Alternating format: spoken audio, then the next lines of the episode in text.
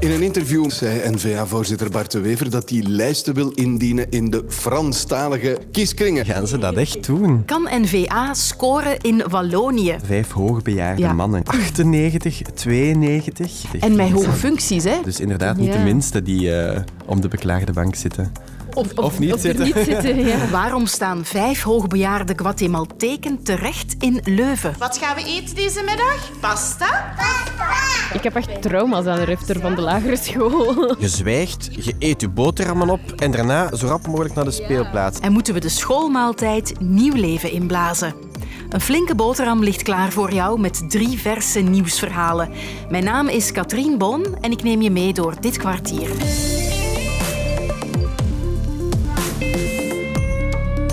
Een nieuwe maandag, een nieuwe week, maar in de politiek zindert er nog iets na van dit weekend. Een uitspraak van Bart de Wever in het laatste nieuws, die hij gisteren kwam verduidelijken in de zevende dag. Gisteren zei u dan ook, ehm, heel opmerkelijk, ik overweeg heel sterk om als N-VA in Wallonië op te komen. Hoe zit dat precies? Ja, eh, dat heeft heel veel nieuwswaarde gekregen. Ja. Het is uiteraard een voornemen. We hebben ons een beetje voorbereid. We denken dat we het kunnen. Ja, ik denk dat de PS... Ook Wallonië moet bevrijd worden van de PS. Als je ziet, de Oostbloklanden, als die bevrijd waren van de Sovjets, wat een vooruitgang. Die zijn Wallonië los voorbij. Hè. Wallonië is een van de slechtst presterende regio's van Europa. Hoe komt dat? Door dat linksbestuur, dat PS-bestuur. Dat functioneert alleen door de derde betaler die Vlaanderen is. Dat is klassiek socialisme met een derde betaler. En vandaar dus dat de Wever speelt met het plan om N-VA-lijsten in te dienen in de Franstalige kieskringen. Op zijn minst een bijzonder plan, denk ik. En het deed politieke analisten in Wallonië in de pen kruipen. Hier Alain Gerlache. Welkom in Wallonië, meneer De Wever. Zo begint zijn column. Lees eens. Moeten we er meer in zien dan een mediastunt die tegen kerstmis al vergeten is? Het is nog te vroeg om dat te zeggen, want Bart de Wever blaast zowel warm als koud. Warm, we denken eraan in elke provincie op te komen, we hebben in Wallonië wat aanhang. En koud, in Wallonië opkomen voor NVA, dat is een maatschappelijke dood. Wat is er eigenlijk aan de hand? En ook deze man merkt dat het iets losmaakt in Wallonië. Hallo, hallo, hallo. Christophe de Borsu, wedstraatwatcher bij RTL. Ja, wat de Wever heeft gezegd in het laatste nieuws heeft voor, ja, niet, ik zou niet zeggen commotie gezorgd in Franstalig België, maar voor, voor veel commentaar, dat moet ik wel zeggen. Overal eh, veel krantenartikels. Het wordt ook zelfs op straat eh, besproken. Ik heb het nu nog vanochtend eh, gehoord. Maar of N-VA ook echt succes zou kunnen hebben in Wallonië, daar heeft hij toch zijn twijfels bij. Er zijn redenen om te denken dat inderdaad een paar mensen dat best sympathiek zou vinden. Door de reputatie van Bart de Wever. Ik zou zelf zeggen, meneer de Wever, als u het meent, komt u zelf naar Wallonië. Dan zou u zeker zelf scoren. Eh, Bart de Wever is de achtste populairste politicus in Wallonië. Dus het kan tellen, hij is dus zeer populair. En dus als hij zelf opkomt, dan denk ik dat hij sowieso de kiesdrempel van 5% behaalt op zijn eigen. En dat zou dus toch eh, iets eh, zeer symbolisch zijn. Dus ik, eerlijk gezegd, ik denk niet dat hij het gaat doen, want dat, natuurlijk heeft zijn partij hem nodig in Antwerpen en hij wil ook eh, burgemeester van Antwerpen blijven. Eh, en burgemeester van Luik zie ik, zie ik hem niet meteen worden. Maar Bart de is de meest toonaangevende politicus van de jongste 20 jaar, dus je weet maar nooit met hem. Hè. Maar ik heb wel veel twijfels. En die twijfels van Christophe de Borsu die zijn onder meer gegrond in eerdere voorbeelden van Vlaams-nationalistische partijen die naar Wallonië trokken met hun lijsten. Dat is dus een paar keer gebeurd. De Volksunie eh, is al in Wallonië opgekomen, dus de, de van de N-VA. In 1985 eh, heeft een, een, de Volksunie zelfs een, een verkozen gehad in het Waals parlement. Dus ja, er zijn precedenten. Het Vlaams Belang, eh, wat ik absoluut niet vergelijk met de N-VA, maar die toch een Vlaamse partij is, heeft ook lijsten eh, overal in Wallonië voorgesteld eh, in 2019.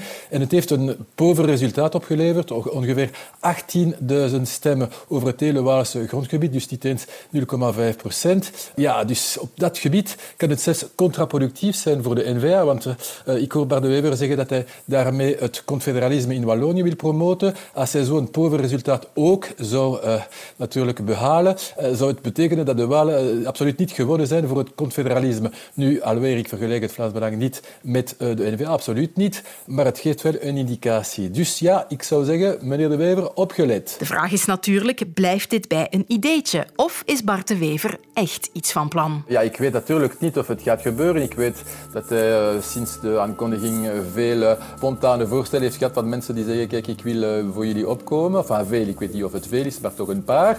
Dus het kan op papier, of het wel voor hem nuttig is, ik weet het dus niet. Ik denk dat wat hij nu al bereikt heeft, hij heeft nu al zijn doel bereikt. Namelijk opnieuw de, voorpagina's van de Vlaamse kranten heroveren. Wat hij dus een beetje kwijt was na de uh, zege van Wilders in uh, Nederland. Want eigenlijk het Vlaams Belang wind in de zeilen gaf. En hij is nu uh, overal aanwezig, ook in Franstalig België trouwens. Dus hij leeft, het leeft opnieuw door dat idee. Of het werkelijk zal um, ja, in werking treden, daar heb ik de grootste twijfels over. Trouwens, veel ideeën van de Wever blijven dode letter. Hij wilde ook in 2019 minister-president van Vlaanderen worden. Is hij dat geworden? Ik denk dat het Jan Jambon is, toch? En vanuit Wallonië reis ik nog wat verder weg in ruimte en in tijd. Want ik ga naar het begin van de jaren 80, naar de burgeroorlog in Guatemala. In die periode volgden de militaire dictaturen elkaar op. Guatemala was toen wereldnieuws. Mijn gids in dit verhaal is Latijns-Amerika-expert Anne Bakkaert. In heel die periode is er sprake van 200.000 doden. Er zouden 50.000 mensen verdwenen zijn. Dat gebeurde allemaal in volle koude oorlog. De guerrilla die nam toen de wapens op tegen die militaire regimes. Die zijn zeer bloedig neergeslagen door het leger, door paramilitaire groeperingen, door doodseskaders die toen de steun kregen van de Verenigde Staten, van de CIA. We spreken van een zeer vuile oorlog, een zeer ongelijke strijd. De burgeroorlog in Guatemala wordt ook wel eens de Guatemalteekse genocide genoemd, omdat vooral de inheemse bevolking, de Maya, die werden slachtoffer van die burgeroorlog. En in die periode ging het gruwelijk mis voor drie Vlamingen. Walter Voordekkers, Wart Capiot en Serge Berten. Dat waren Vlaamse missionarissen die in de jaren tachtig in Guatemala werkten en die daar geconfronteerd werden in hun parochies met de uitbuiting van de inheemse boeren op de plantage van de grootgrondbezitters.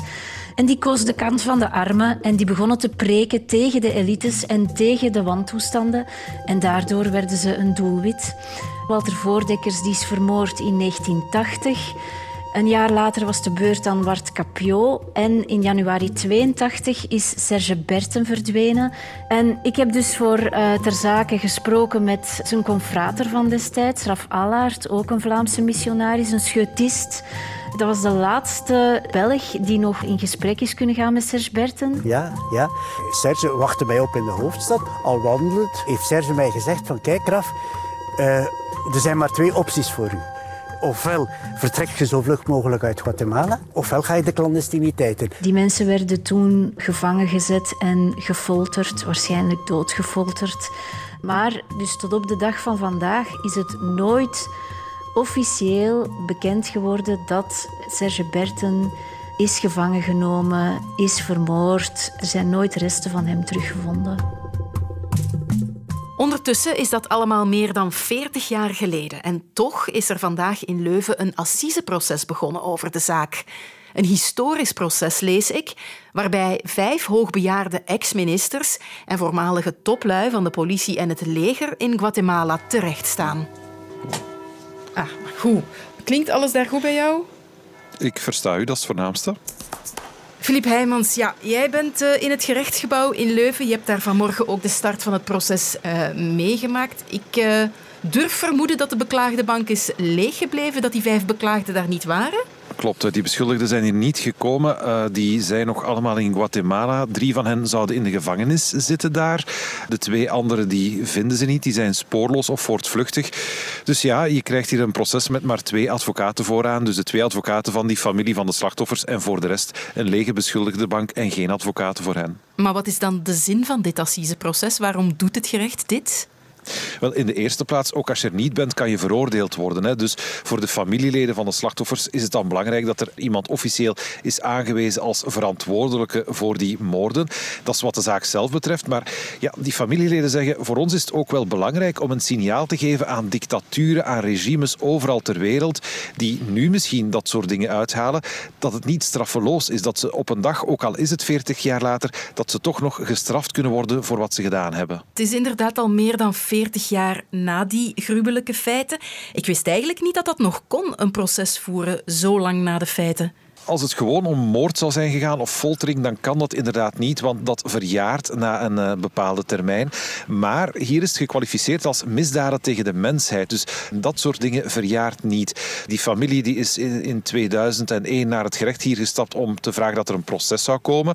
En het federaal parket heeft gezegd, voor ons gaat dit over systematische schendingen tegen de burgerbevolking, over moorden op grote schaal, dus over misdaden tegen de mensheid. Vandaar ook dat het niet de daders zelf zijn die terecht staan. Voor hen is het verjaard. Maar voor die toplui van destijds gaat het om misdaden tegen de mensheid. En die kunnen nooit verjaren. En wat riskeren die vijf hoogbejaarde beschuldigden dan? Kunnen zij echt een straf krijgen? Of naar een Belgische cel moeten?